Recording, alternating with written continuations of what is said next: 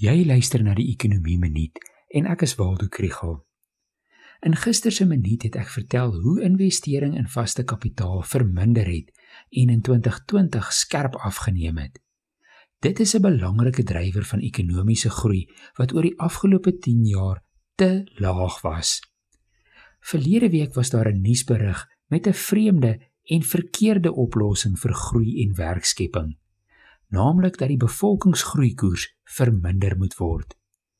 Hierdie raad kom uit 'n verslag van die Inclusive Society Institute, maar dit is ook die soort ding wat mens af en toe om 'n braaivleisvuur hoor.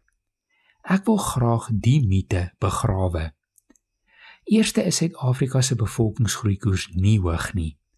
Dit val al sedert 1993 en was in 2019 ongeveer 1,3%. Die probleem is dat Suid-Afrika se ekonomiese groeikoers ook nie hoog is nie. Tweede wys internasionale navorsing dat die verwantskap tussen bevolkingsgroei en ekonomiese groei is kompleks. Dit word beïnvloed deur baie ander faktore soos gesondheid, onderwys en instellings.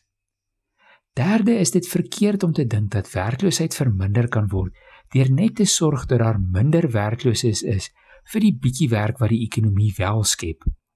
Suid-Afrika se hoë werkloosheidskoers het meervoudige oorsake. Die aard van produksie is kapitaalintensief. Produktiwiteit kon nie byhou met loonverhogings nie en armoede marginaliseer werkers. So al kry die land dit reg om die bevolkingsgroeikoers te verminder, gaan daardie mense wat nou werkloos is, nie uiteindelik deel van die werk kry wat wel geskep word nie.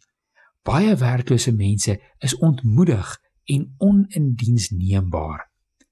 As 'n land moet ons eerder fokus op hoe ons die koek groter maak as op hoe ons dit deel. As jy meer van die ekonomie wil leer, volg die ekonomie blok.